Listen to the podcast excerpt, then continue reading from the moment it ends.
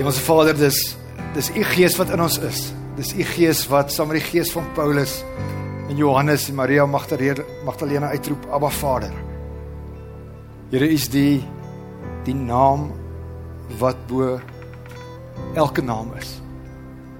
Here mag mag ons as 'n gemeente u naam vandag verheerlik. Here mag ons u naam groot maak.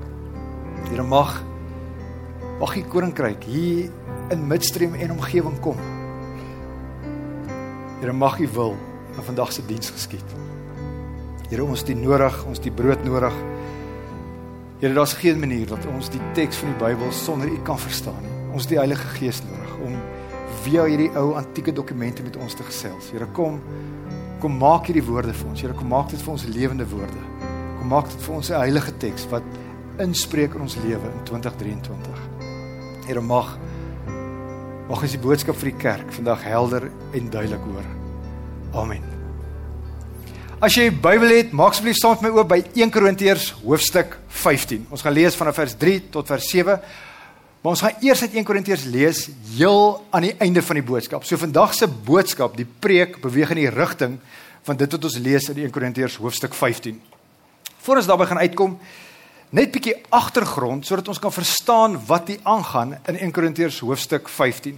So ek wil iets sê oor die magtige Romeinse ryk. So dit gaan nie so wat was die konteks hoe die wêreld gelyk in die eerste eeu in Palestina. So ek gaan iets sê oor die Romeinse ryk. Ek gaan iets sê oor Johannes die Doper. Dan gaan ek ratte verwissel, iets sê oor Jesus Christus, sy prediking, dit wat hy gedoen het. Iets sê waarby ons nou stil gestaan het hierdie laaste week oor Jesus se dood. En dan gaan ons vir 'n oomblik net net bietjie dink wat het in die harte, wat het in die, wat het in die gedagtes van die disippels aangegaan daai oomblik toe Jesus Christus gesterf het 3 uur die Vrydagmiddag. En dan beweeg ons in die rigting want dit wil skry in die Nuwe Testament. So eerstens die Romeinse ryk, die Pax Romana. Pax Romana beteken die Romeinse vredesryk. Hulle was 'n klomp wrede mense, hulle was die maghebbers. Hoekom is hulle die die Romeinse vredesryk genoem. Hoekom het hulle na hulle self verwys as die vredesryk? Dit is eintlik baie eenvoudig. Hulle kom in jou gebied in. Hulle gaan in jou land in en dan vernietig hulle jou. Hy hulle maak jou stad plat. Hulle kras jou. En dan nadat hulle jou vernietig het, maak hulle met jou vrede. Wie van die kinders wat hier is, weet wat 'n boelie is? Steek gou julle hand op. Wie wat is 'n boelie? Skree sommer uit.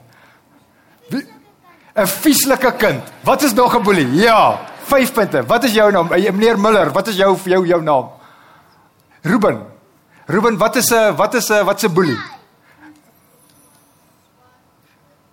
Iemand wat spot met jou. Ja, en laaste wat is 'n boelie?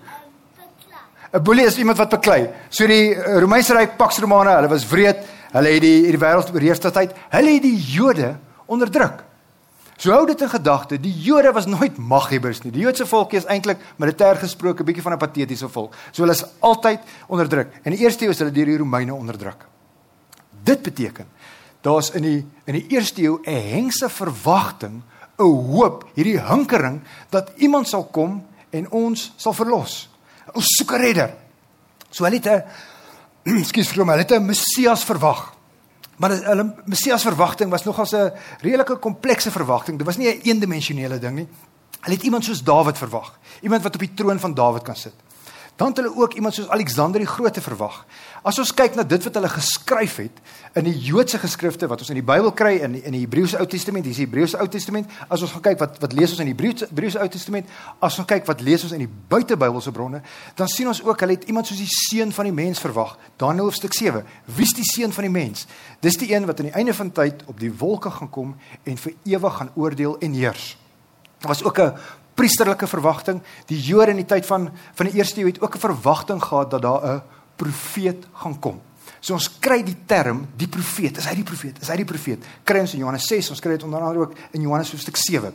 So daar was hierdie verwagting omdat hulle so onderdruk is, was daar heeltyd die verwagting by die Jode, iemand moet ons verlos. So nou en dan was daar 'n redelike dapper Israeliet, 'n redelike dapper Jood wat 'n revolusie wou begin.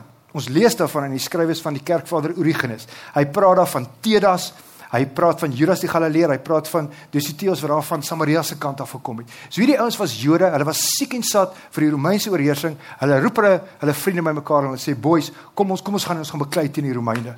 Daai oorlog het nie lank geduur nie. Dis net so. In 'n japtrap, dan is die oorlog verby. Midstream sonder 9 seespan teen die All Blacks. Dit, dit is basies wat gebeur het met hierdie met hierdie so vir die Jode in die eerste eeu in Palestina. Dit het hulle gevoel asof Rome die ewige stad is. Rome is genoem the eternal city. En die Jode het vir hulle self gesê hulle gaan vir ewig oor ons heers. Maar as hierdie hierdie hoop, dan gaan 'n verlosser kom, dan gaan 'n redder kom. Op 'n dag kom daar 'n man, 'n Israeliet, 'n Jood. En hy begin met die volk te gesels. Daar, hy begin met hulle te gesels in die omgewing van die Jordaanstreek, in die omgewing van die Jordaanrivier. En hierdie man, Johannes die Doper, word die superster prediker van die dag. Mense van oral oor stroom na Johannes die Doper toe. En onthou hulle word onderdruk. So nou kom die vraag: Maar is hy nie dalk die Messias nie? Is hy nie dalk die profeet nie? So ons lees in Johannes hoofstuk 1 dat hierdie vraag aan Johannes die Doper gevra word: Is jy die profeet? Is jy nie dalk die Messias nie? En hy antwoord hulle, ook in die eerste hoofstuk van die Johannes Evangelie, hy antwoord hulle helder en duidelik en hy sê vir hulle: Nee. Ek is nie. Maar bekeer julle want die koninkryk van die hemele is op hande. So hy sê vir die volk: Draai weg van julle sondes af. Bekering beteken maak 'n U-turn. Draai weg van julle sondes af want God is op die punt om iets in ons midde te doen. En ek en jy, almal van ons wie sit, ons is mens. Ons kan nie God se handelinge, ons kan nie God se werke raak sien as ons besig is met sonde nie. So Johannes die Doper sê vir hulle, God is is besig om iets te doen. Hy gaan nou iets doen, maar draai weg van julle sonde af. Ons kry hierdie selfde gedagte ook in die evangelies. Geseënd is die wat rein van hart is, want hulle sal God sien. Soos ek en jy in 2023 God wil sien, maak jou binnekant skoon. Dan sal ek en jy die vermoë hê om God aan die buitekant te sien. So Johannes die Doper sê vir hulle, God gaan iets doen, die Messias, die profeet is op pad, maar dis nie ek nie.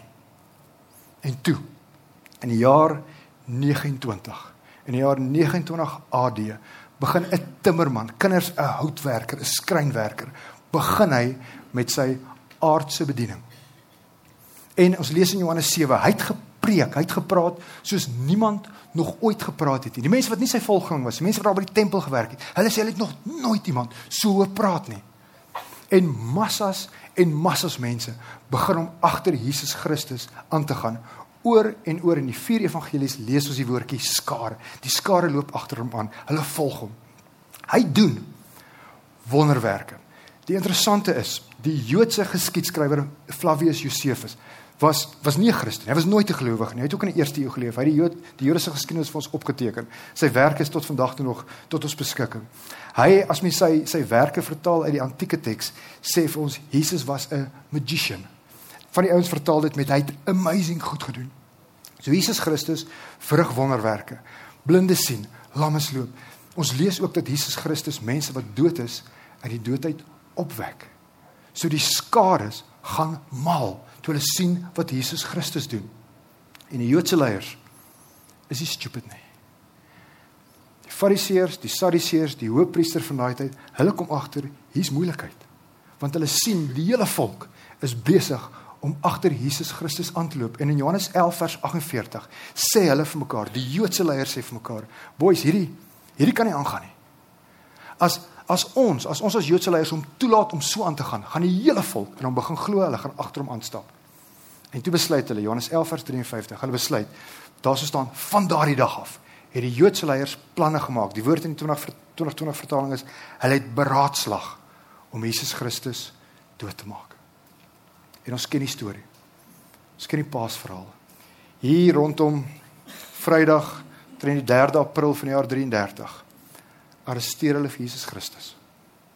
Hulle arresteer hom, daar's 'n verhoor vir die Joodse raad vir die Sanhedrin. Hulle het nie die mag die reg om mense dood te maak nie. Hulle vat hom na Pontius Pilatus toe en hulle vra vir Pontius Pilatus, "Stel hom vir ons reg."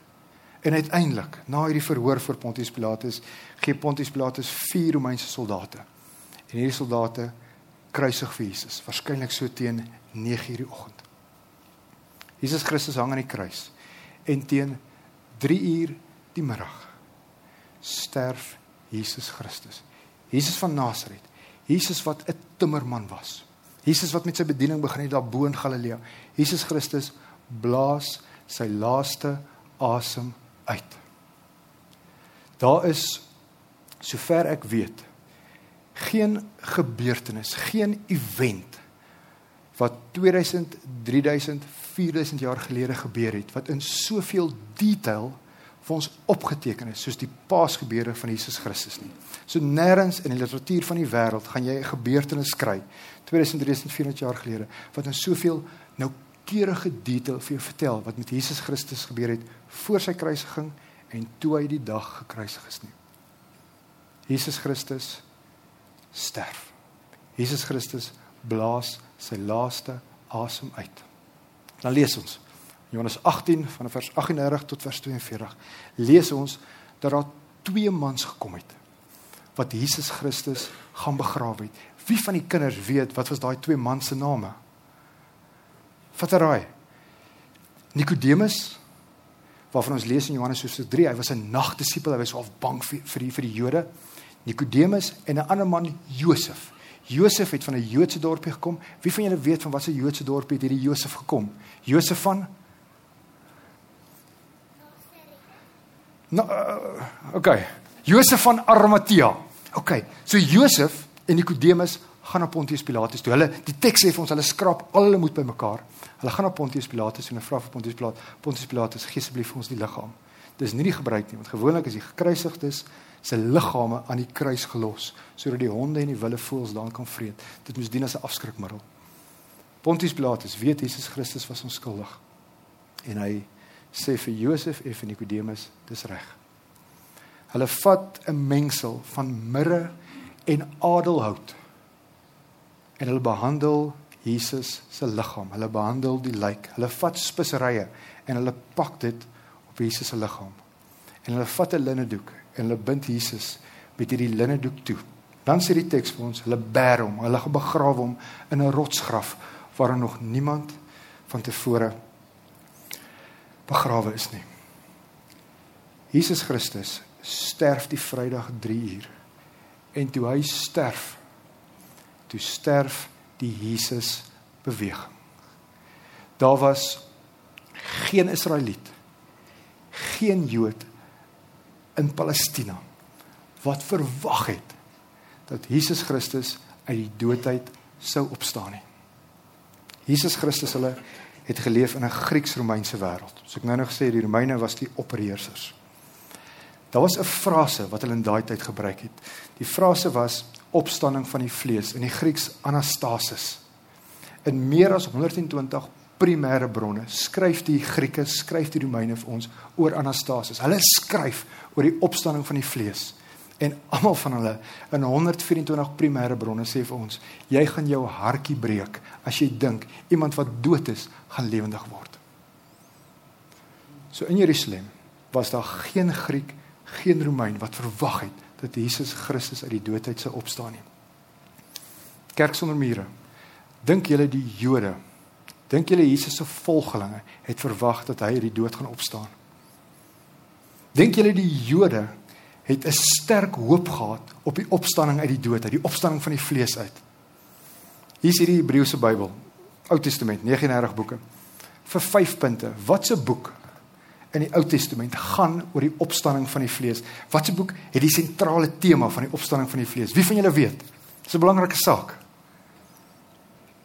Daar's nie een nie. Kom ons maak dit bietjie makliker. Wat se hoofstuk van Genesis 1 tot die einde van Maleagi, meer as 1000 bladsye. Wat se hoofstuk in die Hebreëse Ou Testament handel sentreer rondom die opstanding van die vlees? Wie van julle weet? Daar's nie een. So al wat ons in die Hebreëse teks het, is sulke net sulke spore, sulke verwysings dat daar so 'n vaal hoop is dat daar 'n lewe na die dood gaan wees. Ons kry dit in Daniël 12. Ons kry dit in Eksodus hoofstuk 3. Ons kry dit hier en daar in Psalms, Psalm 16.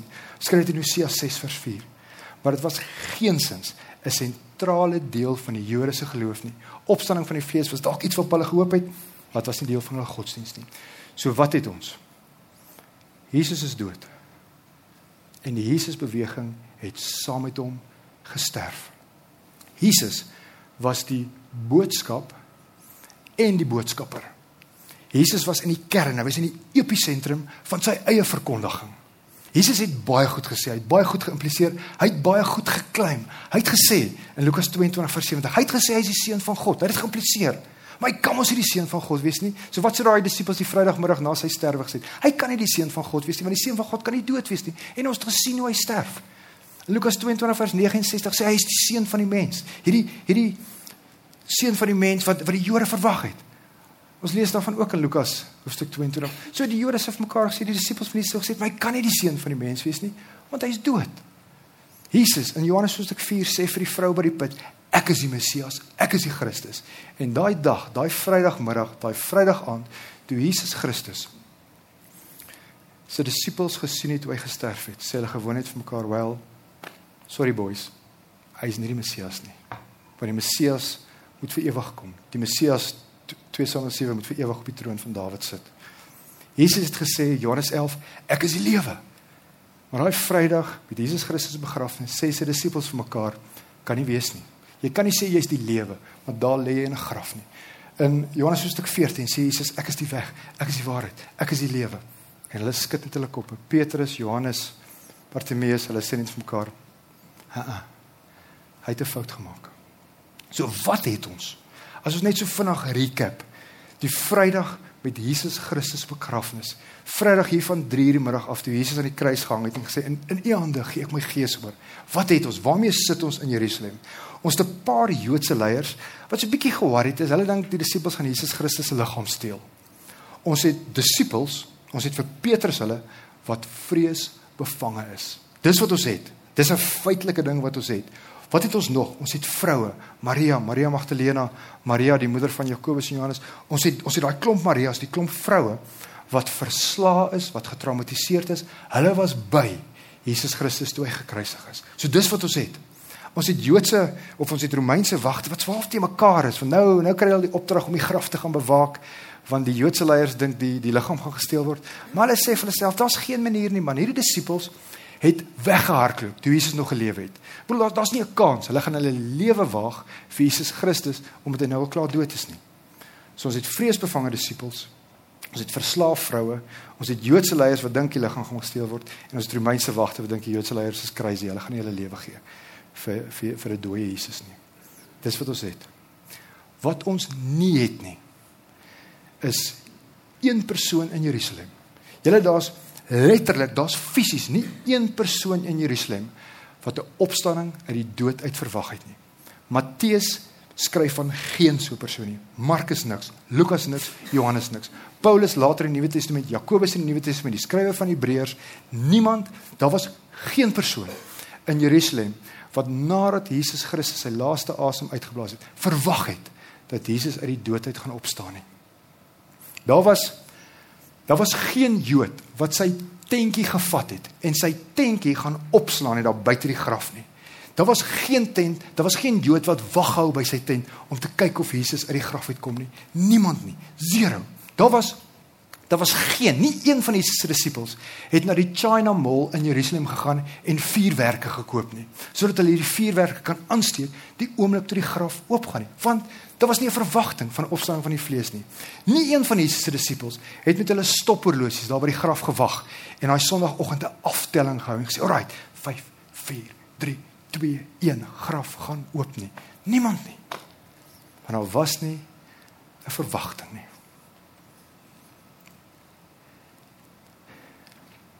En hier sit ons. amper 2000 jaar later en ons vier saam met die kerk van reg oor die wêreld die opstanding. Daar's nie 'n kontinent op hierdie aarde waar daar nie kinders van die Here is wat vandag die opstanding herdenk nie. Saam met miljoene ander mense vier ons, dink ons, gedenk ons die opstanding van Jesus Christus. Wat het gebeur? Wat het teen alle verwagting ingebeur. Vrydagoggend baie vroeg gaan Maria Magdalena en van die ander vroue na die graf. Hulle gaan met kruie en speserye. Hulle gaan na die graf toe om die liggaam te balsem want hulle verwag 'n lijk in die graf. Hulle het waarskynlik vir mekaar gesê Vrydag aand het twee mans dit gedoen. Hulle het nie 'n goeie job gedoen nie. Kom ons gaan, kom ons gaan doen dit beter. So hulle gaan na die graf toe met die krye en die speserye. Hulle verwag 'n liggaam. En ons niks. Die graf is leeg. En 'n jong man sê vir hulle: "Hoekom? Hoekom soek julle die lewende by die dooies?" En Jesus, wat die Christus is, verskyn aan Maria Magdalena en sy, 'n vrou met 'n 'n shaky geskiedenis, 'n vrou met 'n donker verlede, word die eerste getuie van die opgestane Christus. Later daai dag is Jesus se disippels steeds daar in die in die vertrek, nog steeds bang vir die Jode. Hulle het nou gehoor dat die vrou sê Jesus het het opgestaan, maar hulle is nog onseker. En Jesus stap in die vertrek in en hy lig waarskynlik sy hand op en hy sê vir hulle vrede vir julle. En hulle sien die kruismerke in sy in sy hande. Die disippels sien en hulle glo. En hierdie disippels, hierdie ouens wat weggehardloop het toe Jesus gearresteer is, gaan 'n paar dae later, 'n paar weke later, 6 weke, 7 weke later, gaan hulle in die strate van Jerusalem in en hulle verkondig die opgestane Christus. Hulle praat met die Joodse leiers. Hulle praat met die Joodse leiers vir wie hulle die dag van die kruisiging, dag vir die kruisiging, hulle was nog vreesbevange. Hulle praat met daai Joodse leiers in Jerusalem en hulle sê basies vir hulle vier goed. Hulle sê: "Julle, julle het hom laat kruisig. Anders jy, Kajafas jy, Gamaliel jy, moenie afkyk nie Gamaliel, jy was ook daar. Jy's ook skuldig. Julle het hom laat kruisig. Maar God het hom opgewek. God het iets in ons midde kom doen. Ons het hom gesien. Bekeer julle en laat God julle sondes vergewe. In die kerk in Jerusalem groei soos 'n kerk nog nooit gegroei het nie. Handelinge 2 lees ons van 3000 mense wat tot bekering gekom het. Handelinge 4 lees ons van 5000 mense wat deel geword het van die kerk. Later in Handelinge lees ons hulle gebruik die woordjie baie, talle mense het deel geword van die kerk. Hoekom? Hoekom dink ons? Hoekom vier ons vandag die opstanding? Want Jesus wat die Christus is, het aan sy mense verskyn. Hulle het hom gesien. Ons glo nie aan die opstanding omdat Jesus se disippels aan iets begin glo het nie. Daar's klomp mense op hierdie aarde wat in 'n klomp wacko teorieë glo. Ons vier die opstanding want hulle het Jesus Christus gesien. Ek sluit vir ons af. 1 Korintiërs hoofstuk 15. Jesus waarskynlik gesterf April van die jaar 33, so 32 jaar later. Skryf Paulus 'n brief aan die kerk aan die Christene in die stad Korinte. So dis die stad in Griekeland. Hy was al by hulle, hy ken hierdie mense. En dan hoofstuk 15 is die is 'n hoofstuk waarin hy sê wo wo wo. Hier, hier is nou 'n reminder oor wat die allerbelangrikste is van ons geloof. En dan sê hy vir hulle, so nou, so dis 'n herinnering aan dit wat hulle weet. Paulus sê vir hulle en dis nie iets wat hy uitgedink het nie. Hierdie is soos ek nou gesê het van Filippense 2, hierdie is saam met Filippense 2 van die oudste gedeeltes in die Nuwe Testament. Met ander woorde, dit het baie vroeg na die kruisiging ontstaan. So Paulus sê vir hulle, spanpraatjie, wat is die heel belangrikste ding van ons geloof? Hy sê, Christus het vir ons sondes gesterf volgens die skrifte. Dink aan Jesaja 53. Hy is begrawe. Hy's nie aan die kruis gelos soos wat die gebruik was nie, sodat die honde en die wilde voëls die liggame kon vreet nie. Nee nee nee. Hy's begrawe. En op die derde dag opgewek volgens die skrifte. Hosea 6 vers 4. Hy het aan Sefas dis Petrus verskyn en toe aan die 12. Nou vers 6 is 'n baie baie interessante vers. Daarna het hy Jesus Christus aan meer as 500 broers te gelyk verskyn, van wie die meeste nou nog leef. So hierso rondom die jaar 54 55 skryf Paulus aan die Grieke daar in Korinte en hy sê vir hulle, hy skryf aan die gelowiges. Hy sê vir hulle: As jy twyfel oor die opstanding uit die dood, stap na die hawe toe. Koop 'n kaartjie, klim op 'n skip en ry Palestina toe. Vaar Israel toe en gaan praat met die ouens, gaan praat met hierdie ouens, meer as 500 wat hom gesien het. Gaan praat met hulle oor Jesus Christus se opstanding uit die dood. En dan sê hy vir hulle, "Wel, meeste leef nog, maar 'n paar het al ontslaap." Die skrywer van die Nuwe Testament is lief vir die woordjie ontslaap om van dood te praat, want wat doen jy as jy klaar geslaap het? Jy staan op. En Paulus hulle weet, as jy doodgaan, gaan daar 'n dag kom wat jy weer gaan opstaan. Hoekom sê hulle dit? Want hulle het die opgestane Christus gesien. Jesus het ook aan Paulus verskyn. Dan vers 7, laaste vers. Daarna het hy aan Jakobus verskyn en toe aan al die apostels. Kinders, wie van julle weet wie hierdie Jakobus is? Dis nie die disipel Jakobus nie. Wie van julle weet wie hierdie Jakobus is? Wie van julle het boeties? Kan ek gou sien gemeente volwassenes, wie van julle het 'n broer? Ons lees in die Markus Evangelie dat Jesus Christus vier broers gehad het. Een van hulle was Jakobus. Dis die Jakobus van wie Paulus hierso praat. Jakobus en sy boeties en sy sissies het nie in Jesus Christus geglo nie. Jesus se eie gesin, sy familie het gedink Jesus van sy kop af geraak. Maar tog tog verskyn die opgestane Christus aan sy boetie. En sy boetie Jakobus wat nie in hom geglo het nie, word die leier van die kerk in Jerusalem. Wat wat se wat se staan, wat se move moet jou boetie pool sodat jy hom aanbid as die seun van God? Dis die vraag. Jakobus sien sy broer.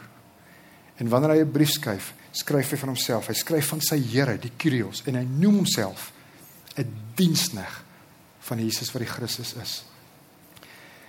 Die kerkgeskiedenisskrywer Eusebius sê vir ons Jesus se boetie Jakobus het 'n bynaam gehad. Wie van julle weet wat was sy bynaam? Eusebius het so in die 3de, 4de eeu geleef. Wie van julle weet? Baie interessant. Sy bynaam was kameelknie. Camel knees. Hoekom? Want hy was op sy knieë en hy het so baie gebid tot sy Here wat sy aardse broer was dat hy naderhand sulke sulke eelte op sy knie ontwikkel het. Kerk sonder mure, die dood is die engine van die lewe. Die dood is die engine van nuwe lewe. Die groot Duitse teoloog Jürgen Moltmann sê Jesus is in die dood en hy's in Hades en hy's in die doodryk en hoekom? Sodat hy die hekke, die poorte van die dood kan oopskop. Daar wag vir ons 'n ewigheid saam met God. Amen. Ons Here Here ons glo en ons wil glo. En ons twyfel en ons twyfel ook nie. Here is die enigste een wat geloof in ons kan skenk. Here is die enigste een wat geloof in ons harte kan wek. Here kom. Vader, deur deur u liefde. Deur die Heilige Gees wat in ons is. Here kom versterk ons geloof. Here kom versterk ons geloof in hierdie tyd, in hierdie postmoderne tyd waar waar ons waar die kultuur rondom ons teen Christendom skree.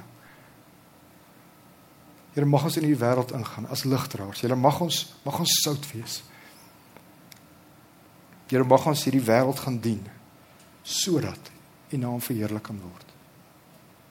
Here ons is U sin. Ons weet Here, ons glo dat die dood nie die einde is nie.